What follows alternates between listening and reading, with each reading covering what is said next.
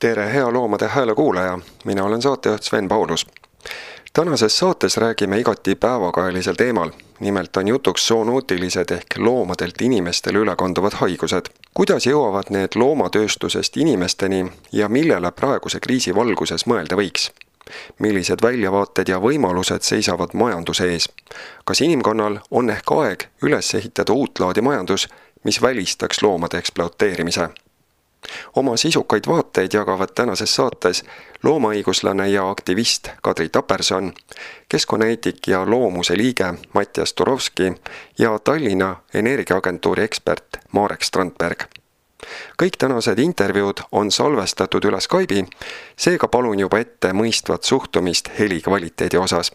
praegu aga soovin teile head kuulamist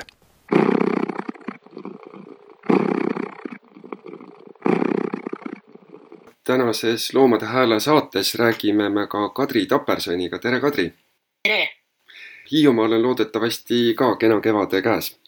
oi jaa, Hiiumaal on väga, kõik õitseb ja tegelikult peaks äh, mitte siin sinuga rääkima, vaid hoopis väljas maad kaevama, aga, aga küll jõuab seda ka. kevad on küll väga ilusasti kohal. kuidas sul läheb praegu? No mul läheb väga hästi, ma olen äh, suurema osa oma, oma niisugustest väga laiaulatuslikest kohustustest juba aasta tagasi teistele üle andnud ja ma elangi Hiiumaal metsas nagu ikka koos oma koera ja kassidega ja loen ja kirjutan. must on saanud midagi kirjutava aktivisti moodi, et äh, ja mulle see roll päris meeldib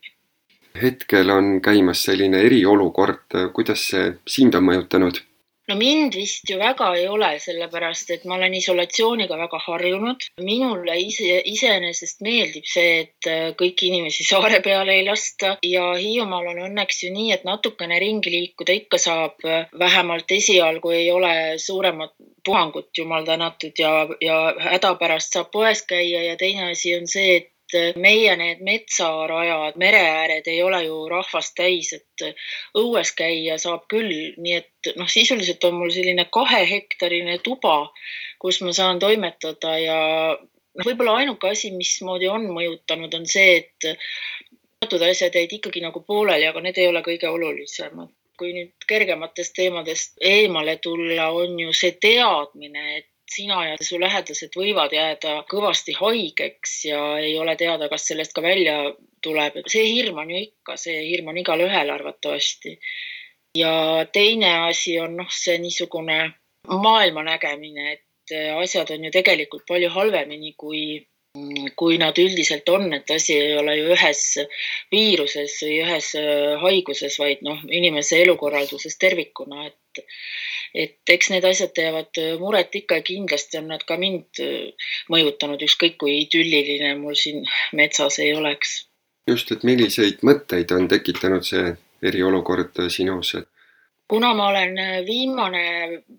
kaksteist, kolmteist, neliteist aastat ikkagi ju eelkõige tegelenud selle loomaõigusluse, veganluse ja, ja, ja noh, niisuguste suurte asjade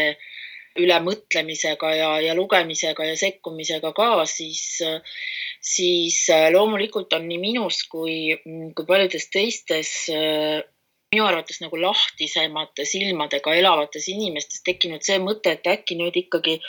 on see aeg käes, kus väga paljud inimesed hakkavad mõtlema selle peale, et äh, kust need viirused tulevad, millises seisus tegelikult ikkagi on meie keskkond ja äkki midagi võiks muuta muutuda, aga, aga noh ähm,, ma olen küll enamuse ajast selline optimistlik, aga kindlasti mitte sinisilmne, nii et mulle tundub, et, et äh, läheb aega, enne kui suuremad muutused tulevad ja ma pean silmas siis praegu eelkõige seda, et see on ju teada fakt, et ka see praegune äh, meid hirmutav ja inimesi tappev viirus on tulnud äh, loomatööstusest räägime siis lähemalt sellest zoonootilisest viirusest, siis see Covid laastab praegu maailma. Kuidas ta tekkis, levima hakkas? mina ei ole ja ma ei pea ennast teadlaseks ja ma ei ole kindlasti epidemioloog või viroloog või midagi niisugust, et see tuleks kohe alguses ära rõhutada, aga ma arvan, et kuna me elame niisuguses avatud informatsiooniga maailmas ju ammu juba, siis, siis noh, iga mõtlev inimene saab ju need informatsioonid, millest ma nüüd kohe räägin, nii et, et ehk ei ole selles midagi ebaeetilist, et ma väidan asju, mida ma justkui sada protsenti seletada ei oska. ma pean silmas seda, et kui ma ütlen nüüd, et eh, Hiina niinimetatud eh, wet market ites tekkis loomakudedes viirus, mis nakkus ka seal olevatele inimestele, siis ma ei oska tõepoolest sulle ega kellelegi teisele selgitada seda biokeemilist protsessi, kuidas tekib üks viirus. Ja ma ei peagi seda oskama küll aga ma tean ja peangi teadma seda, et kõikides niisugustes kohtades, kus loomad elavad täiesti ähm, kohutavates tingimustes, elavad ja surevad ka, on need viirused väga kerged tekkima, sellepärast et,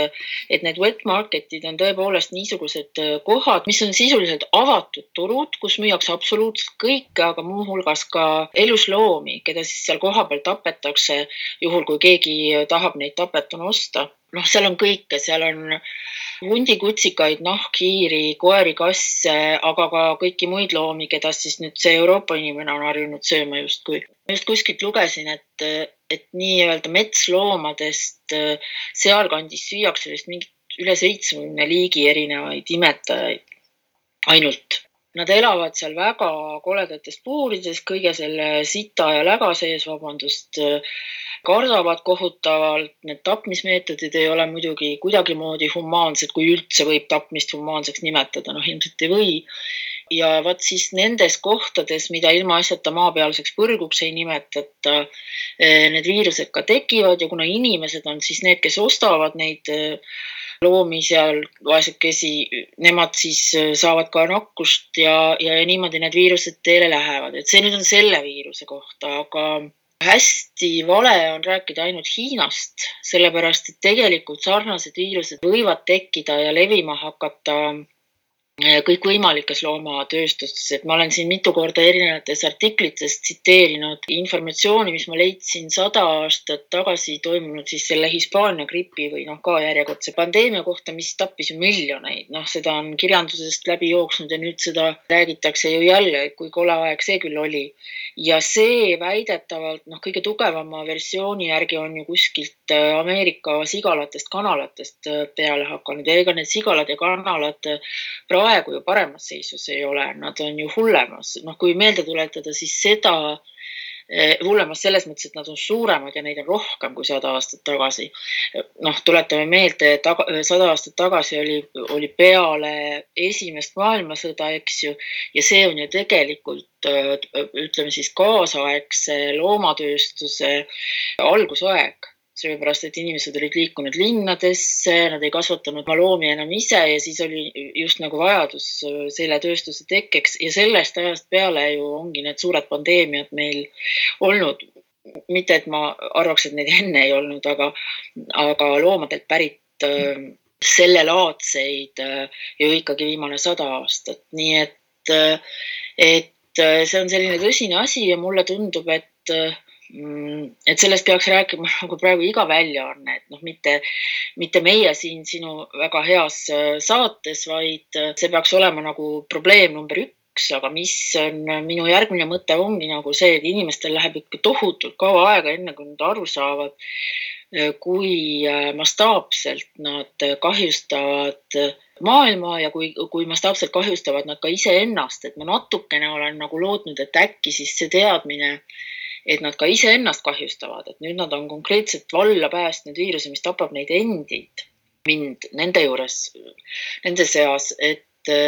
et äkki see tekitab mingi mõttelaadi muutuse, aga noh, tõenäoliselt mitte veel. see ei ole nagu väga tõenäoline mõned kuud tagasi, alles eelmise aasta lõpus oli ju tegelikult eh, listeeria skandaal, et listeeriabakter tegi hästi palju nii-öelda müra meedias ja suu- ja sõrataudi peale või näiteks seagripi peale, linnugripi peale, et loomatööstustest on tegelikult ju viimaste kümnendite jooksul tõeliselt palju igasuguseid haigusi tulnud ja need on tõsised inimest kahjustavad haigused, mis levivad väga kiiresti, mille vastu ei ole vaktsiine, mille vastu ei ole oskusi ravida inimesi ja nii edasi, et, et noh, aga me millegipärast ei õpi nagu sellest, et praegu ju ka sina vist nimetasid seda, et siis, kui see viirusepaanika peale hakkas, siis inimesed ostsid kõigepealt liha poest ära. Ja eile just lugesin, et enne neid niinimetatud munadepühi, äh, aga mitte ainult sellepärast, olid ju kauplused munadest ka tühjaks ostetud, sellepärast et see on nagu väga toitev värk või, või mis sellega on, et ühtpidi ju aru saada, inimene tahab hoolitseda enda ja oma pere eest ja see teave, et tal ei ole elus ja terveks püsimiseks tegelikult äh, seda loomset vaja, see teave on ju ikkagi veel üsna väikese grupi inimeste käes, et selles mõttes ta ei ole ta ei ole nii laialdane, kui, kui meile võib-olla tundub. sellepärast, et inimesed on tohutult harjunud, see on nende baasvajadus, et nad peavad oma toitaineid kätte saama ja niikaua, kui nad arvavad, et seda, selleks on vaja loomi süüa, nii kaua neid ka süüakse, et et esialgu on ju ikkagi nii, et hoolimata selle veganluse mm, noh, peaaegu et peavoolu teemaks äh, muutumisest meid on ikkagi liiga vähe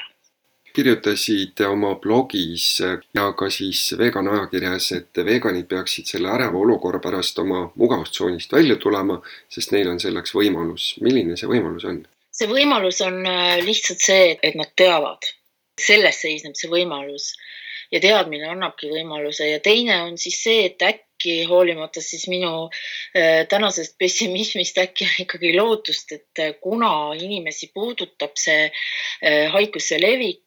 võib-olla on võimalik seda sõnumit praegu natukene rohkem eh, levitada, natukenegi rohkem. inimesed istuvad rohkem internetis, nad mõtlevad rohkem oma tervise peale, nad loevad rohkem, need on ju juba siin viimastel kuudel ära mõõdetud, et tõepoolest istutakse kodus ja tõepoolest eh, loetakse raamatuid ja internetti sinna juurde või vastupidi. ma arvan, et see ongi see võimalus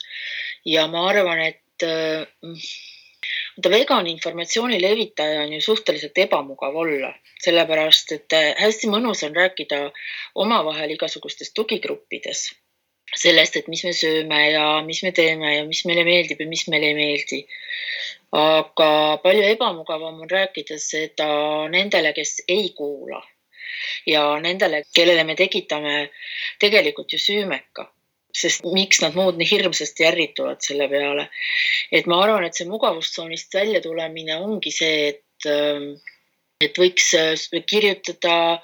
rääkida, levitada, ma ei tea, teavitamismehhanisme on ju palju ka, ka praegusel hetkel, kui, kui väga liikuda ei saa ja noh, nagu ma ütlesin, võib-olla on isegi veel parem. Äh, sest et inimesed kuulavad ja loevad rohkem ma lihtsalt olen nii palju mõelnud selle peale, et,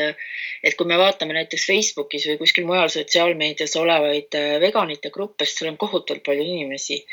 muidugi kõik neist äh, ei ole seal mitte veganlusse uskumise või maailmavaate pärast, vaid noh, lihtsalt see on huvitav teema ja, ja toit on ju väga hea aga väga vähesed on neist võtnud nagu selle vastutuse või rolli, et seda infot tuleb levitada. ja ma saan sellest väga hästi aru, sellepärast et see ongi tohutult loomaõiguslane ja vega, aktiivne vegan olla on noh, on, äh, see ei ole väga tervislik ausalt öelda, sellepärast et äh, paratamatult sa ikkagi mõtled kogu aeg nende asjade peale, et mismoodi see loom seal, ükskõik, kas ta on wet market'is või on ta siin kõrval olevas äh, sigalas, kuidas ta tegelikult kardab, on ju, või mis toimub tapamajades ja nii edasi. aga teavitamine jah, ma ei tea, kui sul on mõni parem mõte kuidas nad peaks aktiivsemaks muutuma, siis anna teada ja levita aga ütleme täitsa inimesele, kes võib-olla alles alustab selle temaatikaga, et veganluse poole võib-olla natukene vaadata, liikuda, milliseid raamatuid või veebilehti sa soovitaksid? veganluse poole kõige parem Eestis on ikkagi see vegan.ee ja seal on ka raamatusoovitusi palju. Ja ma tean, et kõik need Facebooki grupid on ka sellised, et nii kui sinna tekib keegi uus positiivselt meelestatud inimene, kes küsib, siis talle ka vastatakse et äh, aga vegan.ee on kindlasti kõige parem, et äh, sellepärast, et sinna on niimoodi teadlikult, rahulikult äh, aja jooksul kogutud materjale mis siis on kontrollitud ja mida on lihtne lugeda, mis on eestikeelsed, eks ole, nii et, et sealt peaks alustama, pluss ma ei usu, et on olemas inimest, kellel ei ole mõnda tuttavat veganit nii kaugele me oleme täna, tänaseks päevaks ikkagi jõudnud, et ma arvan, et nad kõik tohutult rõõmustavad, kui te pöördute, ütlete ja ütlete, et ma olen nende asjade peale mõelnud. ma tahaksin teada, kuidas see käib, mida sa sööd, oled sa kindel ja nii edasi kas äh, nüüd see praegune kriis on tegelikult Hiinas ka mingisuguseid arenguid esile toonud? jah, selle Hiina kohta on ähm, hästi palju erinevat informatsiooni mida tuleb äh, aeg-ajalt kontrollida, sellepärast ei ole aru saada, mis nagu vastab tõele ja mis mitte. ma tean, et mõned maailmaorganisatsioonid, näiteks nagu Animal Equality on äh, teinud ka selliseid, alustanud suuri ülemaailmseid kampaaniaid äh, seoses nende turgudega ja siis on üks Aasias tegutsev suur organisatsioon nagu Act Asia, mis on oma kodulehel üles kirjutanud noh, või üritab anda nagu edasi seda informatsiooni, mis seal toimub. et kui Animal Equality üritab äh, äh, sulgeda neid turgusid, siis noh, tõenäoliselt see neile ei õnnestu, selle, et see wet market ei ole ainult siis see ei ole ainult see loomade osa, vaid need on suured avatud turud, äh, kus müüakse noh, kõike, absoluutselt kõike ja noh, näiteks me ei saa kuidagimoodi kalaturgi ära keelata. ehkki noh, loomaõiguslikust seisukohast vaadates on see, on see sarnane lugu, aga noh, et ei saa, inimesed ei saa sellest veel aru. käis ju vahepeal ka see jutt, et äh, turud on suletud ja tõepoolest mingisugune paar-kolmkümmend tuhat turgu äh, üle Hiina olid äh, uksed kinni pannud, aga, ja need ei toimi, aga see on ajutine selline sulgemine on olnud ka enne näiteks selle SARS-i puhul umbes pooleaastane sulgemisperiood. samamoodi on olnud ka nende eksportkeeldudega, et Äh, arvatakse, et keelati ära mingisuguste loomade maalt väljaviimine, aga tegelikult need on olnud ajutised. nüüd on küll niimoodi, et on tehtud seadusemuudatus, mis keelustab äh, metsloomade söömise ja söögiks müümise. aga sisuliselt see ikkagi väga asja ei muuda, sellepärast et esiteks, nii nagu Eestiski on, on täpselt ka seal see metsloomade või, või wild animal äh, nagu termin on natuke natuke ebamäärane, sellepärast et need loomad, keda juba kasvatatakse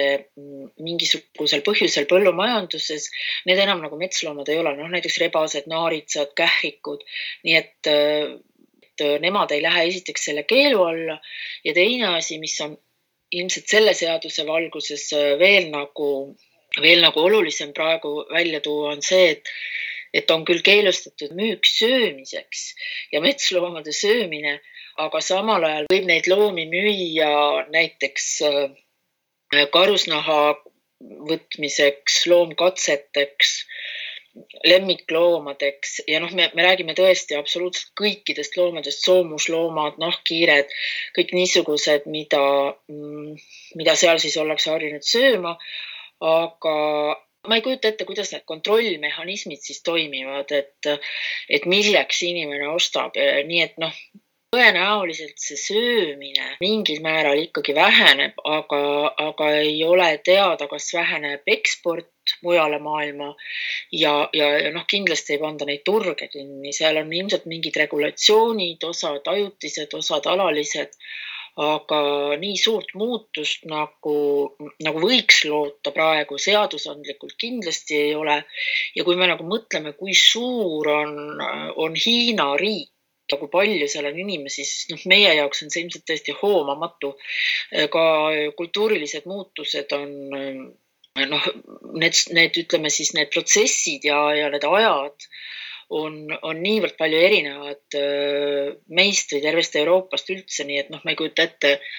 kuidas seal võiksid need muutused toimida. üks asi on äh, ka jälle, mida on hea välja tuua, et ühes äh, piirkonnas keelati kasside, koerte ja, ja metsloomade söömine nagu niimoodi kohalikul tasandil ära, et, äh, võib-olla ei ole see nagu väga suur asi välja tuua, aga see on ikkagi aja märk et selliste asjade peale on, on tahetud nagu mõelda ja noh, ma,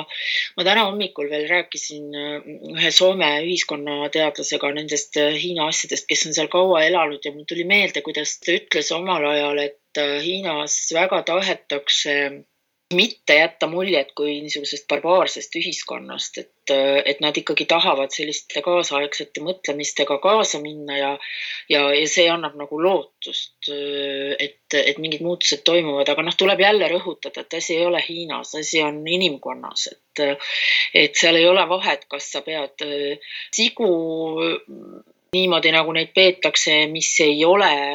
tema liigile omane või, või tapad neid tapamajas või on see Hiina wet market, et seal, see on tegelikult sisuliselt ikkagi täpselt üks ja sama asi.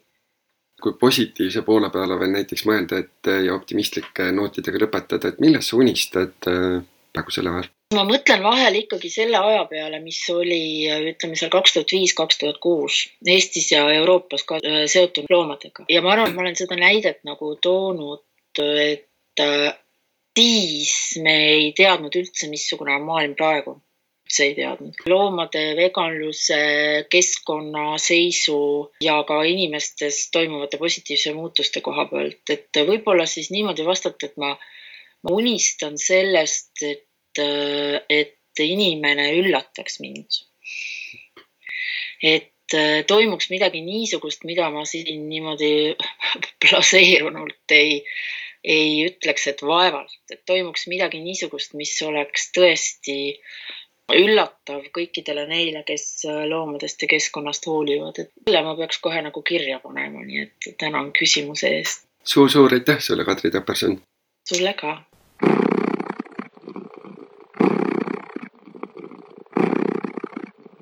räägi kõigepealt sellest, et kuidas sul praegu üldse läheb, et käimas on eriolukord juba kuu aega sa oled oma elu ümber korraldanud? mul on siin täitsa, täitsa rahulik on, olen siin ilusti isoleerunud ja ma ei tea, kas, kas asi on selles, et, eestlastena meil on mõnevõrra nagu kuidagi veres see, et teistest inimestest eemale hoida või ütleme nii, et meie see intiimne ruum on väga suur. et ei ole küll erilist sellist tunnet olnud selle aja vältel, et et see olukord mind isiklikult väga palju ahistaks. aga samas jah, ma usun küll, et, et kui see ükskord läbi saab, siis need esimesed kallistused äh, sõpradega saavad olema kindlasti erilised. kuidas on eriolukord sind selle poole pealt äh, mõjutanud, et oled siis tõesti nüüd äh, nii-öelda isolatsioonis kuu aega olnud, milliseid mõtteid see on tekitanud? no see on kindlasti pannud mõtlema jah, selle üle, et millise maailma me oleme endale ehitanud ja, ja kui kuidagi raskesti hoomatavad on, on meie baasvajadused olukorras, kus nad on ülirahuldatud ja nad on olnud ülirahuldatud nii pika aja vältel, et nad kipuvad meelest ära minema see on selline klassikaline näide on, kui sa oled haige, kui sa oled gripis, siis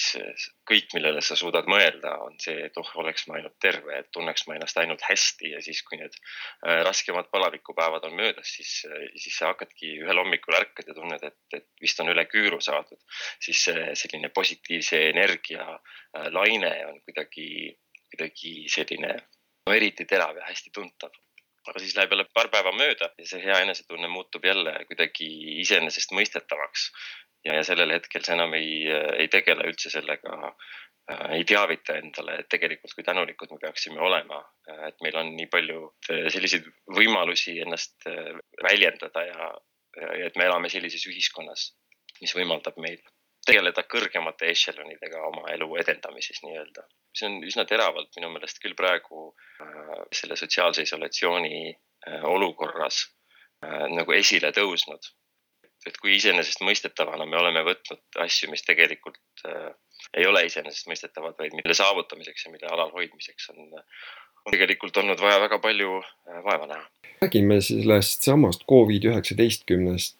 see pärineb ka loomatööstusest, et äh, milliseid mõtteid on see sinus tekitanud viimastel aegadel?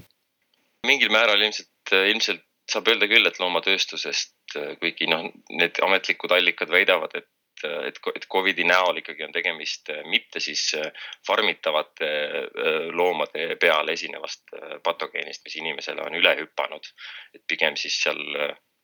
Hiinas Kaug-Aasias need nii-öelda need wet markets, need märjad turud, kuhu tassitakse kokku väga palju ja täiesti reeglina kontrollimata populatsioonidest siis erinevaid loomi väga paljudest erinevatest seltsidest ja, ja, ja see tekitab sellise fantastilise kasvulava kõikide patogeenide jaoks. aga jah, kindlasti, kindlasti seesama probleem põhimõtteliselt äh, on, on ka meie intensiivsetes loomafarmides üle maailma väga palju erinevaid äh, viiruseid, aga ka igasuguseid siis bakteriaalseid patogeene on, on loomafarmidest pärit. arvatakse, et umbes, umbes võib-olla kolm neljandikku võivad olla siis meie suurest nii-öelda lihahimust tulenevalt inimesele kandunud nii et siis jah, et äh, zoonootiliste haiguste selline peamine põhjus ei ole mitte ainult metsloomade tarbimine, vaid loomade tarbimine kui selline. aga püüaks korra mõelda sellele, et äh, kuidas ja miks me siis teatud liike eelistame süüa ja teisi lihtsalt lemmikutena pidada, et millised kultuurilised mehhanismid siin taga on ja, ja kuidas see on kujunenud nii, et noh, vähemalt Eestis me siin ju koera patta ei pane, Hiinas või kuskil mujal on see selline päris äh, levinud tava, eks ju. samas eh, siin lehma või, või siga või kana süüa tundub täiesti selline nii-öelda normaalne lähenemine, et eh, samas jah, kass ja koeraga ei teeks nii. eks need on suures osas kindlasti kultuurilised erinevused, et, et jah, hiinlase jaoks eh, tundub kassi või koera söömine ilmselt sama loogiline kui meie jaoks tundub sea või lehma söömine. aga me oleme siin, me oleme õnnelikud äh, inimesed selles mõttes, et kliimast tulenevalt kindlasti meie nii-öelda loomne toidulaud on traditsiooniliselt olnud üsna limiteeritud. oleme koos ülejäänud äh, siis põhjapoolkeraga või igatahes Euroopaga äh, siis jäänud nii-öelda truuks või jäänud väga kindlate loomade söömise peale. Hiinas see kindlasti jah, nii ei ole just selle poolest, et või seetõttu, et Hiinas on kindlasti teine kliima, seal on väga-väga-väga äh, palju, võib öelda, rikkam või mitmekesisem äh, äh, kultuur. Ja kindlasti seal on ka tohutult palju laiem selline nii-öelda ligipääs erinevatele loomadele, kelle söömist on, on normaliseeritud seal sajandeid. Vaataks sellele temaatikale keskkonnaeetika perspektiivist, milliseid muresid sa näed ja milliseid võimalikke lahendusi sa näed kogu sellele ütleme siis tõesti metsloomad, zoonootilised haigused, farmiloomad, ka need haigused, mis tõesti jõuavad siis, viirused, mis jõuavad inimesteni, et millised keskkonnaeetilised valikud siin ees seisavad? no hästi lihtne oleks öelda, et sööme kõik palju vähem loomi või, või hakkame veganiteks ja kas vegan maailmas äh, selliseid, selliseid kriise ei sünniks. tõenäoliselt Äh, oleksid noh, sonootiliste viiruste või, või teiste patogeenide näol äh, kindlasti oleks vegan maailmas oluliselt rahulikumad lood. aga, aga paraku see on oleks-poleks. Ähm, väga raske on mõelda lahendustele, mm, kuna me oleme inimkonnana, me oleme liigina siin planeedil ähm, tegelenud nii-öelda ökosüsteemide ja, ja, ja loodusliku tasakaalu äh, siis väärmajandamisega äh, nii ulatuslikult juba, et, et mingisuguseid kiireid lahendusi äh, reaalselt esile kutsuda on, on maru keeruline. ja seda eriti sellistes piirkondades, äh, kus nende nii-öelda märgade turgude või, või siis ka bushmeat'i söömine on kõige suurem, ehk siis vaesetes piirkondades Aafrikas ja, ja Kaug-Aasias. inimeste populatsioonid on kasvanud tohutult suureks et kuidas seda probleemi nüüd äh, hakata kollektiivselt äh, kiiresti lahendama see ongi kõrgete rahvusvaheliste organisatsioonide ja kindlasti suurendatud rahvusvahelise koostöö äh, küsimus, aga selgeks äh, selle pandeemiaga kindlasti muuseas on, on saanud see, et lokaalsed probleemid võivad väga kiiresti kasvada globaalseteks probleemideks. Ähm, seega ma loodan, et, et sellest tuleb äh, eelmainitud organisatsioonidele ja ka valitsustele või võib-olla isegi korporatsioonidele väga suur siis nagu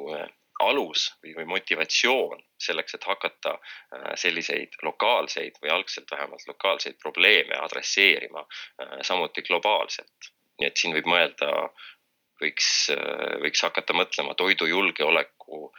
üle, siis kindlasti mitte riigipõhiselt, isegi mitte piirkonnapõhiselt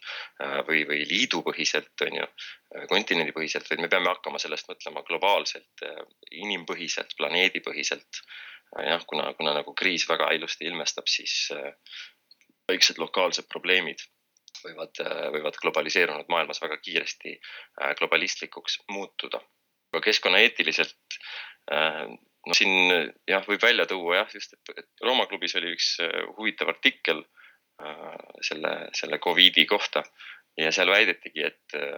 ilmselt üsna tõetruult, et, et praegu oleme me siis eksinud nii-öelda selle lokaalse, globaalse ähm, tasakaalu vastu meil on äh, vaja hakata mõtlema mm, noh, tagumine aeg on hakata mõtlema äh, inimtegevusest siin planeedil just nimelt äh, selle sõna otseses mõttes, et me peame hakkama mõtlema inimtegevusest, mitte Euroopa tegevusest või Saksa tegevusest või Hiina tegevusest. Sest me oleme globaalse mõõduga liik, me oleme äh, loonud superkooslused ja, ja nagu näha, need kooslused on tohutult volatiilsed. paari kuuga võib selline väike lokaalne haiguspuhang teha tiiru peale tervele maailmale. nii et me peame hakkama jah mõtlema ühe nii-öelda liigina ja hakkame mõtlema selle peale, mida ja kuidas me alles jäänud loodusega teeme, millised, millised on nii-öelda ohutegurid ja miks on minevikus sellised suured inimeste äh, populatsioonide kontsentratsioonid äh, alati äh, kaasa toonud erinevaid keskkonnaprobleeme ja kuidas need omavahel siis nii-öelda vastastik mõjutavad üksteist? Päris palju on viimastel aastatel ja nüüd taas meedias neid uudiseid, et kus on kas seakatk, eks ole, siis võetakse lihtsalt kümneid tuhandeid sigu, lihtsalt tapetakse ja põletatakse ja maetakse maha, eks ole. või on linnugripp kuskil farmides, taaskord äh, kümneid, sadu tuhandeid linde lihtsalt ilma, et nad toidulauale jõuaks. Äh, noh, hävitatakse, et äh, nüüd kuidagi inimkond vist näeb seda kõrvalt ka, et, et üks viirus võib hakata ka inimkonda hävitama samamoodi, et lihtsalt noh, pole midagi sellist vastu panna. just asi ongi selles, et me oleme hirmus adaptiivsed loomad, et me kohaneme äh, üliruttu, aga see nii-öelda see äh, liiklusohutusest tuntud äh, reegel, et, silm harjub pimedast valgesse sõites valgega palju kiiremini kui valgest pimedasse sõites pimedaga. et, et see kehtib minu meelest ka siin, et äh, me oleme tehnoloogiliste siis arengute najal suutnud ülikiiresti ühe nii-öelda siis külje sellest, sellest mündist, mille me oleme nii-öelda õhku visanud väga-väga äh, kauniks ja säravaks viimistleda. Äh, ja sellega me oleme väga kiiresti ära harjunud, et inimesed võtavad äh, iseenesestmõistetavalt selliseid asjaolusid, et ma võin iga kell minna poodi ja osta mida iganes mu süda lustib. või ma võin iga kell osta internetist endale odava lennupileti ja zupp olla järgmine, järgmise päeva õhtuks teisel pool maakera aga et, et mida toovad kaasa äh, kõik sellised äh, siis no, tehnoloogilistel saavutustel põhinevad äh, mugavused, et see nii-öelda see tei, mündi teine külg, et äh, sellele me, me, me, sellega me nii kiiresti kohaneda ei ole osanud. Või siis on see olnud lihtsalt äh, nii ebamugav, et, et seni, kuni mingisugune selline, selline tõsine probleem äh, sellest mündi teisest küljest äh, otseselt ei avaldu ja, ja, ja inimesi nagu kollektiivselt väga kiiresti kõnetama ei hakka. Äh, seni on seda võimalik ignoreerida no sest pandeemiad ei ole ju mitte mingisuguses mõttes uus nähtus, et inimkond on, on, on erinevate pandeemiatega äh, silmitsi seisnud noh, sellest ajast peale, kui me, kui hakkas mingisugune tõsiseltvõetavalt või tõsiseltvõetav tsiviliseerumine, et esimesed äh, siis äh, irrigatsiooni tsivilisatsioonid on ju juba iidsest Kreekast ja, ja varemgi on teada igasuguseid müstilisi äh, katke ja haiguseid, mis inimesi on, on teisele poole saatnud väga kiiresti. ja, ja aga noh, see on lihtsalt ainult üks, üks tahk. kui jah, kui sa lood kui sa lood mingisuguse uue koosluse, uue keskkonna, siis äh, sa lood äh, tohutult palju uusi seoseid ja uusi, äh, uusi võimalusi, aga need võimalused ei ole ainult head. et siin on igasuguseid tagasisidemehhanisme, mis pannakse tööle, millest me alguses ei pruugi olla teadlikud, seni kuni need ükskord avalduvad, nii et jah, retrospektiivis me oleme, oleme targad, seni, kuni, kuni viimasest paugust liiga kaua aega möödas ei ole. Nii et noh, annaks jumal, et see, et see tarkus, mille me nüüd saame, tõesti äh, paneb meid äh, asjade üle väga palju sügavamalt järele mõtlema. kui nüüd mõelda sellele samale Covidile ja kogu sellele pandeemiale veel, et kuidas panna üldse inimesed oma tarbimisharjumusi muutma? noh, osadele on ju tegelikult liha söömine selliseks väga tugevaks identiteediallikaks. tahaks väga öelda, et mul on mingisugune ühene äh, vastus, et või, või, või, või selline geniaalne idee, kuidas seda nüüd massiliselt hakata tegema. aga no loodus, loodus õpetab, eks, et, et siis kui see, see, mis praegu toimub, see on meile kõikidele äh, nii-öelda suur, suur koputus õlale. et, äh, et kuule jah, et vaata, see ongi siin meie, meie tegevuse tagajärg, aga see see lõhe kollektiivse ja individuaalse siis väärtustamise äh, vahel ei ole ilmselt olnud äh, kunagi nii, nii suur, kui ta täna on. Äh, nii, nii kummaline, kui see ka ei tunduks. et, äh, et mida rohkem inimkond teeb koostööd selles heas mõttes on ju, meil on mingi rahvusvaheline majandussüsteem ja, ja raha liigub ja, ja raha on universaalne keel põhimõtteliselt kõikides maailma riikides et nii, et see selline kollektiivsus iseenesest ju kasvab, aga sellega koos kasvab ka meie siis äh, individuaalsus ja meie isikupõhine äh, siis äh, väärtustamine. et ähm, ikkagi ära, ära kulunud vastus, aga haridus, haridus, haridus, keskkonnaharidus. meil on vaja, et inimesed hakkaksid mõtlema oma tegude tagajärgede üle suuremas ja laiemas kontekstis Ähm, meil tegelikult selles mõttes äh, ju valikut ei ole, et, äh, et kui me ei, kui me oma ühiskondasid ei kujunda ümber vastama äh, nii-öelda looduslikele seadustele, nendele samadele populatsiooni ja söögi, söömise teostatuse seadustele, üritame neid ignoreerida, siis ega need seadused sellepärast eh, keht-, eh, vähem kehtivad ei ole. me lihtsalt järjekordselt keerame oma selja sellele mündi teisele küljele. Ähm, aga, aga jah, et, et kuidas konkreetselt inimestele nüüd selgeks teha, et, et kuule, pane sinna grilli peale mais äkki hoopis või, või midagi, või midagi taolist ja no et, et, et siin ilma riikliku ja, ja rahvusvahelise sekkumiseta nii-öelda ähm, piisava kiirusega või, või, või, või ütleme väärika kiirusega äh, muutusi esile kutsuda äh, on väga keeruline. ma, ma tahaks öelda, et mul on mingisugune parem ja lootustavam vastus sulle. Aga kokkuvõttes, mida sa soovitaksid võib-olla inimestel vaadata või lugeda, et praegu on sellist vaba aega ilmselt päris paljudel käes, et eh, millised oleksid sinu soovitused, mida vaadata, lugeda, kuulata? ma arvan, et äh, ma võiks teha ühe raamatu soovituse küll äh,. jällegi ei taha kedagi äh,, ei taha kedagi äh, hirmutada, aga äh, ja, ja, ja, ja, ja hirm võib olla ka selline, ta paneb inimese tarduma, onju ja seda, seda tuleb kindlasti vältida, aga teisest küljest hirm võib olla ka väga motiveeriv, äh, kui, kui meil on veel äh, võimalus aduda, et, et meie tegevusest äh, veel sõltub, et tagajärg sõltub veel meie tegevusest. nii et ma soovitaks lugeda sellist, sellist mm, raamatut nagu David Wallace Wellsi The Uninhabitable Earth siis asustamatu maa mille ta eelmine aasta äh, siis oma mitme-mitme aasta pikkuse uurimis, uurimistöö tulemusel kokku kirjutas. ja, ja see on, on raamat, mis, mis koondab siis selliseid teaduslikke prognoose ja ennustusi ja, ja vaatab siis täna maailmas käimasolevat keskkonnakriisi, sest, sest kriis ta ju selgelt on Ähm, äh, erinevaid, kõikvõimalikke erinevaid äh, siis äh, aspekte ja nende omavahelist kausaalsust. sest ja miks ma seda soovitan, on just see, et, et täiesti naiivne oleks mõelda, et see, et see Covid pandeemia praegu on kuidagi mingisuguses mõttes eraldiseisev keskkonnakriisist või sellest laiemast, laiemast keskkonnakataklüsmist, mis, mis sisuliselt meie planeedil praegu, praegu lahti hakkab vormuma. et hästi läks, et et viimasest, viimasest suurest kogu maailma tähelepanu tõmmanud keskkonna siis, see oli küll võrdlemisi regionaalne seekord, aga ma räägin praegu Austraalia siis nendest äh,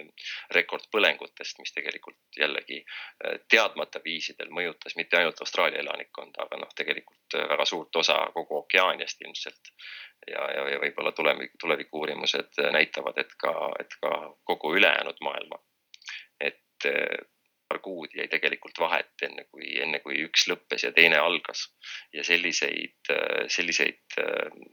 noh, globaalseid kriise tegelikult hakkab,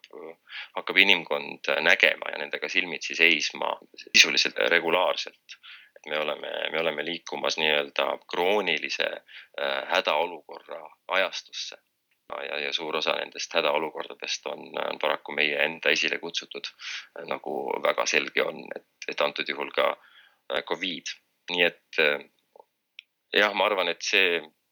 jällegi hirm või igatahes mure oma heaolu pärast äh, võib olla üks väga-väga motiveerivaid äh, tegureid. Ähm, kindlasti me peaksime võimalikult palju ähm, kontsentreeruma positiivsele ja, ja üksteisega,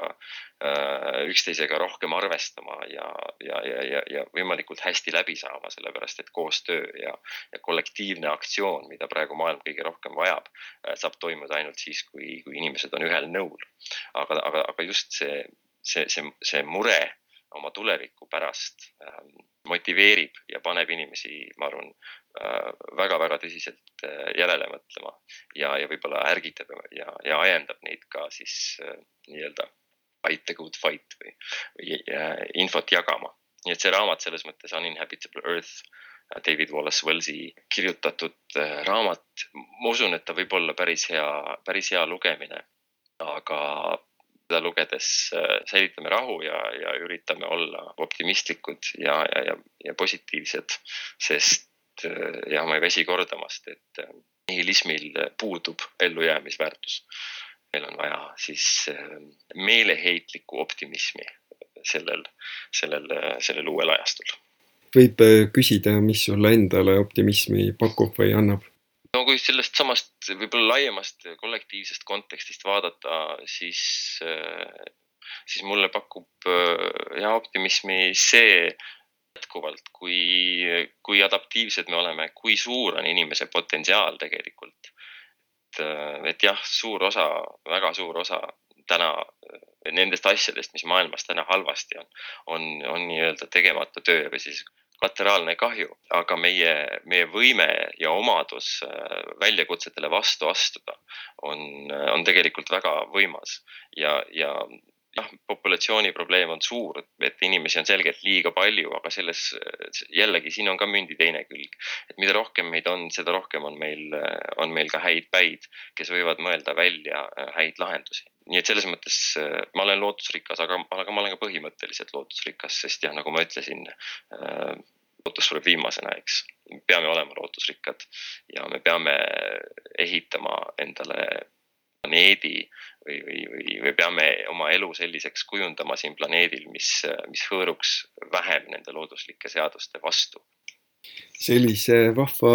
positiivse noodiga on hea lõpetada.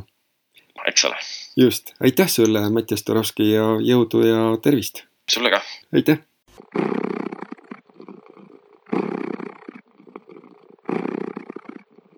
hea Loomade Hääle kuulaja nüüd on ka sinu võimalus omapoolselt loomust toetada. Mine kodulehele loomus.ee kaldkriips toeta ja vaata lähemalt, kuidas saad meile toeks olla. aitäh sulle ette!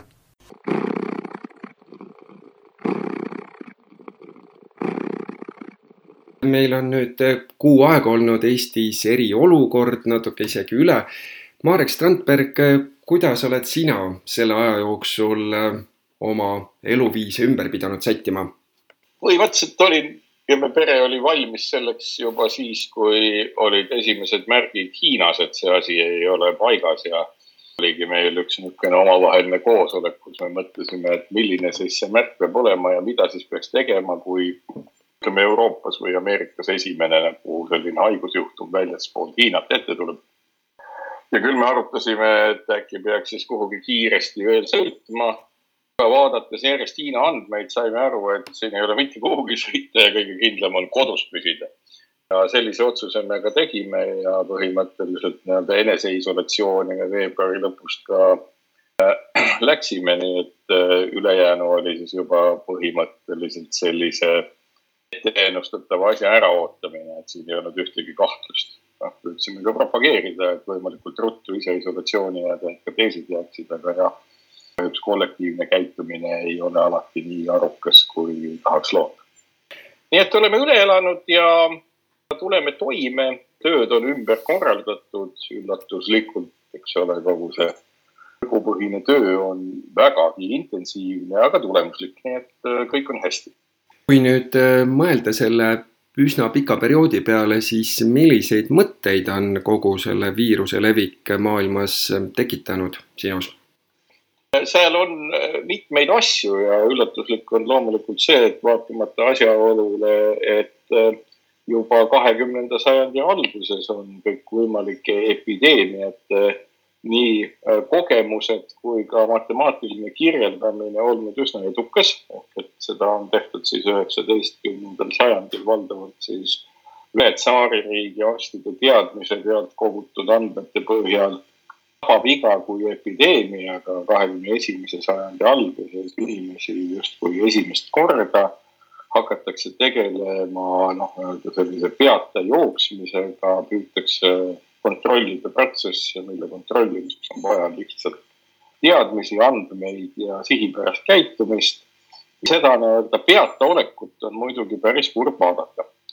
Teisalt jälle inimene on adaptiivne ja tänu arvutite rohkusele ja millele kõigele veel kogunetakse, koondutakse ja mis kõige peamine, teadlased, ettevõtted on nagu rööbid juba Wuhani esimestest päevadest saadik tegelenud nii ravimite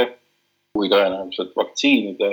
tekitamisega ja ega inimkonnal sellest haigusest muud pääsu ei ole, kui vajalik on vaktsiin ja kui see ei õnnestu, siis ravimid. Sama lugu nagu laste halvatusega oli, mis tegelikult peaaegu pool sajandit inimesi kummitas ennem kui vaktsiiniga hakkama saada. tänase podcasti tegelikult selline peamine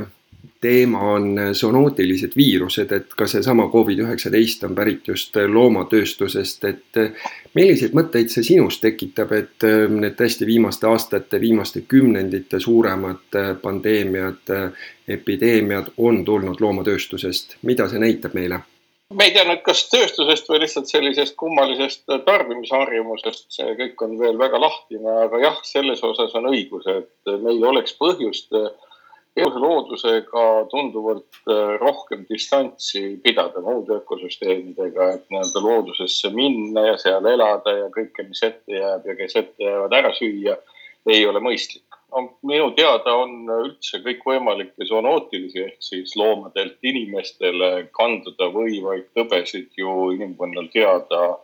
no kõvasti üle tuhande, mina ei tea neist võib-olla kümmetki detailsemalt või nende lugusid. Ja siit tulebki nagu üks oluline noh, nii-öelda õpetus või teadmine, et kuna oleme muude elusorganismidega, loomadega just väga-väga sarnased, siis neid piire ju viiruse või bakteri või isegi alglooma tasemel noh, väga palju ei ole. kakud on väga sarnased, kõik on väga sarnased ja see ülehüpe on väga lihtne meil on veelindudega ühised haigused, linnugripp, eks ole, mis on siis kodulindudele üle kandunud, meil on sigadega ühised haigused, meil on teistega ühised haigused ja see tuleneb ikkagi sellest samast tehnoloogilisest lähedusest, mida me nende loomadega kahjuks oleme pidanud ja millest lahti saamine oleks väga õigustatud. Ja siin ongi, et noh, kuigi öeldakse, et jaa, ütleme tööstused ja muud asjad, et need on nagu traditsioonilised tegevused, siis siin on ikkagi põhjust ümber mõelda kogu meie inimkonna siis äh, toidu hankimise viiside hulk. Ja sellesse ei peaks kuuluma teiste ka hulkraksete, selgroogsete loomade söömine, sest nii-öelda kokkupuude üks asi on emotsionaalne ja eetiline aspekt, aga teine asi on ikkagi seesama nii-öelda ühiste haiguste küsimus, millega meil ei ole väga lihtne kokku puutuda ja noh, niimoodi, looma söömise harjumus on tekitanud olukorra, kus maailma majandus on väga mitmeid aastaid, kui mitte aastakümneid tagasi hüpanud tegelikult äh, see kõik viitab ka sellele, et äh, noh, inimene on selline üsna kohanev tüüp, et kasvõi seesama kuu aega olla karantiinis või isolatsioonis kodus ei, ei ole midagi hullu, et tegelikult tundub, et meil oleks inimkonnana vist vaja selliseid uusi narratiive, kuidas edasi minna. praeguses seisus on pilt üsna tume kust otsa pealt vaadata, et teistpidi võib ju öelda, kui vaadata ka üllatuslikult ülimalt rohemeelseks osutunud Euroopa Komisjoni juhtkonda, siis ma annaks tegelikult palju optimistlikuma tulevikuvaate. See tulevikuvaade on ikkagi selline, et kui me ütleme, et me soovime nüüd nii-öelda kliimaneutraalset käitumist, mis ennekõike tähendab loomulikult kütuste väljavahetamist, süsinikupõhistelt kütuselt üleminek puhaste energiavoogude ja nende kütuseks muundamise peale vesinikuks näiteks, siis sellega käib kaasas terve rida muidki asju selles mõttes, et ega ju inimese mõju ökosüsteemile ei ole pelk süsihappegaas ja selle tekitamine. Muidki mõjusid, põllumajandus näiteks ulatuslikult ehk et meil täna on ju kolmkümmend kaheksa protsenti maismaast selle all, et me kasvatame taimi loomi ja, ja sellest kolmekümne kaheksast protsendist siis veerand umbes selle all, et kasvatada loomadele, keda me söödame ja tapame ja siis edasi sööme, kasvatada neile toitu nüüd see invasioon, mida on põllumajandus tööstusliku revolutsiooni järgselt tekitanud ökosüsteemidele, on meeletu. siin ei ole vahet, kas me räägime mahepõllumajandusest või siis nii-öelda sellest intensiivpõllumajandusest. Mõlemad on monokultuursed tegevused ökosüsteemis, mis kahjustavad ökosüsteemi terviklikkust ja lõppkokkuvõttes inimest. Siin on see koht, kus tegelikult koos sellesama rohepöördega tuleb ümber mõelda ikkagi ka põhimõtteline küsimus, kuidas me tulevikus kasvatame oma toidu. Ja seda me peaksime tegema reaktorites, kasvuhoonetes ja inimese enda juures, et meil tekiks reaalne distants muu loodusega ja me suudaksime saavutada lisaks süsihappegaasi mõju ärakaotamisele ka selle, et kõik looduslikud ökosüsteemid ja nende võrgustikud ikkagi järgneva poole sajandi jooksul suudaksid taastuda milliseid samme näeksid sa, et Eesti võiks praegu ette võtta siin lähimate aastate jooksul praegusest äh, kriisist õppides näiteks? Eesti jaoks möödapääsmatu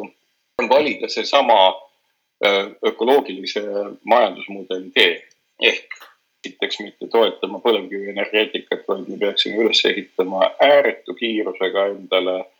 vesinikku tootvad energiasüsteemid, mille sisend tuleb päikesest ja tuulest tähendab tohutut nii-öelda investeeringute mahtu, see tähendab tohutut ehituse mahtu, mis tegelikult võibki tähendada seda, et mitte ainult Eesti jaoks, vaid terve Euroopa või ka maailma jaoks. me saame öelda, et terveks inimpõlveks on olemas teadusele, inseneeriale ja tööstusele väljakutse, sellepärast et see tuulikute hulk või päikesepaneelide hulk, mida peaks tootma nüüd järgmise kümne aasta jooksul selleks, et nii-öelda see energiapööre teha, asendada kogu umbes viieteist kuni kahekümne teravati võimsuses toimiv nii-öelda fossiilse energiasüsteem täiesti uuega. Investeeringud on tohutud, see tähendab tuhandete tuulikute tootmist igapäiselt ja ma ei tea, mida kõike veel, see on väga suur väljakutse. inimkond on suuteline selliseid väljakutseid äh, vastu võtma ja nende alusel elama ja see on ju tegelikult järgmiste põlvede jaoks äh, uue keskkonna loomine. oskame seda teha, meil on olemas tööstuse planeerimise kogemus teine asi, mida ma näen, on ikkagi seesama asi, millest juba juttu oli, et me peame oma toidukasvatuse viima või toidu tootmise viima täiesti uutele alustele. seda enam, et kliimamuutused kahekümne, kolmekümne aasta perspektiivis võivad tähendada, et ka täna veel Eestis soodsad mullaolud ja kliimaolud ei pruugi anda enam garanteeritud saake näiteks juba veerand sajandi pärast mis tähendabki seda, et meil on vaja lisaks sellele, et meil on kommunikatsioonitehnoloogiad, mis nupule vajutades võimaldavad meil hetkega ühendust saada teisel pool maailma elava inimesega. meil on mobiilsustehnoloogiad, mis põhimõtteliselt nupule vajutades hakkavad meid liigutama ühest kohast teise. meil on vaja ka tegelikult toidutootmistehnoloogiaid, mis lülitaksid inimkonna lahti looduslikest ökosüsteemidest. põhimõtteliselt nupule vajutades hakkaks sealt tulema valku, rasva süsivesikuid, mineraalaineid ja kõike ja seda siis kombineeritakse kokku vastava toidutootmistehnikaga, nii et see oleks söödav, tervislik ja, ja väikse koormusega ökosüsteemile. hetkeks on selline üsna raiskav ähm, tarbimiskultuur vähemalt hetkeks pausi peale, mine tea, mis saab edasi, aga kuidas panna inimesed üldse oma tarbimisharjumusi muutma? kõnealune epideemia on hea õppetund, me oleme kõik selle äh, soovist, äh, et meie lähedastel oleks hea, et ühiskonnal oleks hea ja keegi ei põeks ega kannataks selle suhteliselt karmi kopsuhaiguse all. me oleme ennast tagasi tõmmanud ja üllatuslikult, ma arvan, ka kõige suuremad tarbijad on märganud, et igapäevane poeskäik ei olegi elu jaoks möödapääsmatu on õpitud äh, tegema seda, mida me kogu aeg oleme lubanud, et me teeme. me oleme rääkinud Eestist ja paljud teised riigidki ju iseendast kui tohutust e-ühiskonnast ja kunagi ei ole seda e-ühiskonna funktsionaalsust niimoodi testitud. nüüd õpivad lapsed kodus. mitte vanemad ei õpi nendega, nad õpivad ise, nad omandavad selle, kuidas kasutada e-õppevahendeid, tehakse koosolekuid, organiseeritakse tööd distantsilt. see õnnestub tähendab seda, et me võime selgelt öelda, et meil on tehtud katse selle kohta, kuidas vähendada oluliselt noh, niisuguse füüsilise ringisebimise vajadust. enamgi veel, meil on tehtud ka tänaseks katse, mis näitab seda, kus on kitsaskohad, milline digitaalne kultuuri ja digitaalse ühiskonna aspekt vajab veel arendamist ja edendamist. et see kuu-kaks või ma ei tea, kui pikalt see kõik kesta võib, kogemus on väga hea pange tähele, mis veel toimub, et selles digitaalses infovahetuses ei ole mitte nii-öelda trükiajakirjandus või raadio see, mis vahetab informatsiooni kust me saame teada, noh, millises olukorras me päriselt oleme selle viiruse kontekstis, vaid see on ikkagi seesama internet, see on nagu tohutu hulk informatsiooni, mida me ka viiruse kohta teada saame ja noh, võib öelda, et seda on ju algusest peale teada olnud, aga täna jõutakse aina selgemalt järeldusele, et mis aitab majanduskriisist kõige kiiremini välja.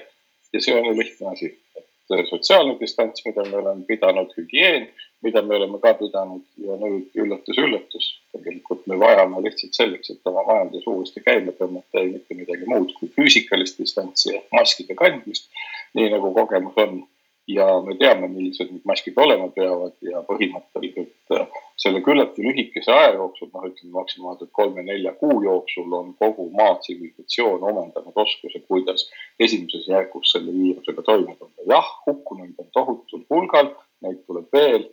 aga õppimine ongi ses osas kulukas ja kurvalt kulukas kui nutikas oleks nüüd pärast seda kriisi jätkates kasvule orienteeritud majandusega business as usual?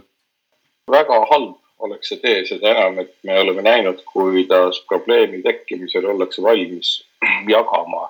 rahalisi vahendeid, neid tekitama ja jagama ja sõlmima uusi kokkuleppeid. Ehk et eh, majandus peaks taastuma, õigemini mitte taastuma, vaid välja tulema uue väljakutsega. Ja see ongi nimelt see, kui meil täna noh, kõrvalpõikena olgu öeldud, maailmas on ju umbes kuue triljoni dollari väärtuses ettevõtete varasid, mis siis tegelevad otseselt äh, süsiniku muundamisega energiaks ja materjalideks. Nende varade raamatupidamisväärtus on umbes kuus triljonit ja selle taastamisväärtus on noh kordi üle, kuna varad on ju amortiseerunud, nagu me teame, et nad oleksid võimalikult kasumlikud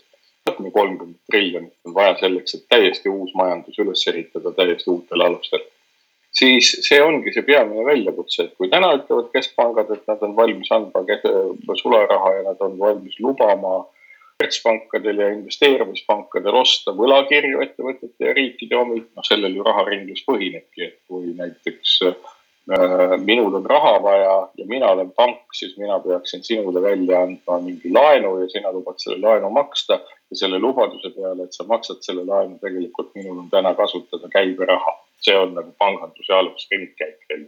ringkäendus või ringmajandus juba, mis toimub rahanduses. Ongi võimalik üles ehitada täiesti uus majandus, täiesti uued nii-öelda suhted. Ja mis on peamine, me ei saa, tohiks ega peaks ühelgi moel kritiseerima neid nii-öelda kapitaliomanikke, kes on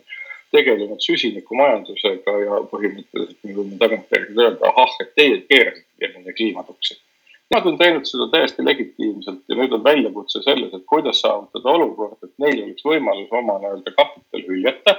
tagasi tõmmata süsinikumahukas tegevus ja kuidas ühiskond lepib sellega ja riigid lepivad sellega ja valijad lepivad sellega, et neile inimestele antakse uus võimalus meie kõigi jaoks, mitte neid ei karistata, vaid öeldakse, et te olete olnud head kapitalistid, tehke palun see oma oskuste piires see uus majandus uuesti ehitage üles sellisel moel. Aga võtke meid ka kuidagimoodi osaliseks ja hüljake see vana tehnoloogia. see on psühholoogiliselt kõige keerulisem moment, mis on kõikide valitsuste ees, kõikide valijate ees ja mis võib tekitada väga palju paksu verd. Nürnbergi protsess ja Marshalli plaan oli selles mõttes lihtne, kõik teadsid, natsid on halvad, osad neist poodi, osad tõsteti vangi, kõik said nagu oma nii-öelda lepituse praegusel hetkel on see olukord keerulisem, sellepärast et kes ei tahaks näha, et Sander Liive või Hando Sutter näiteks vangi lähevad selle eest, et nad on juhtinud põlevkivi. suur-suur tänu sulle, Marek Strandberg, nende mõtete eest.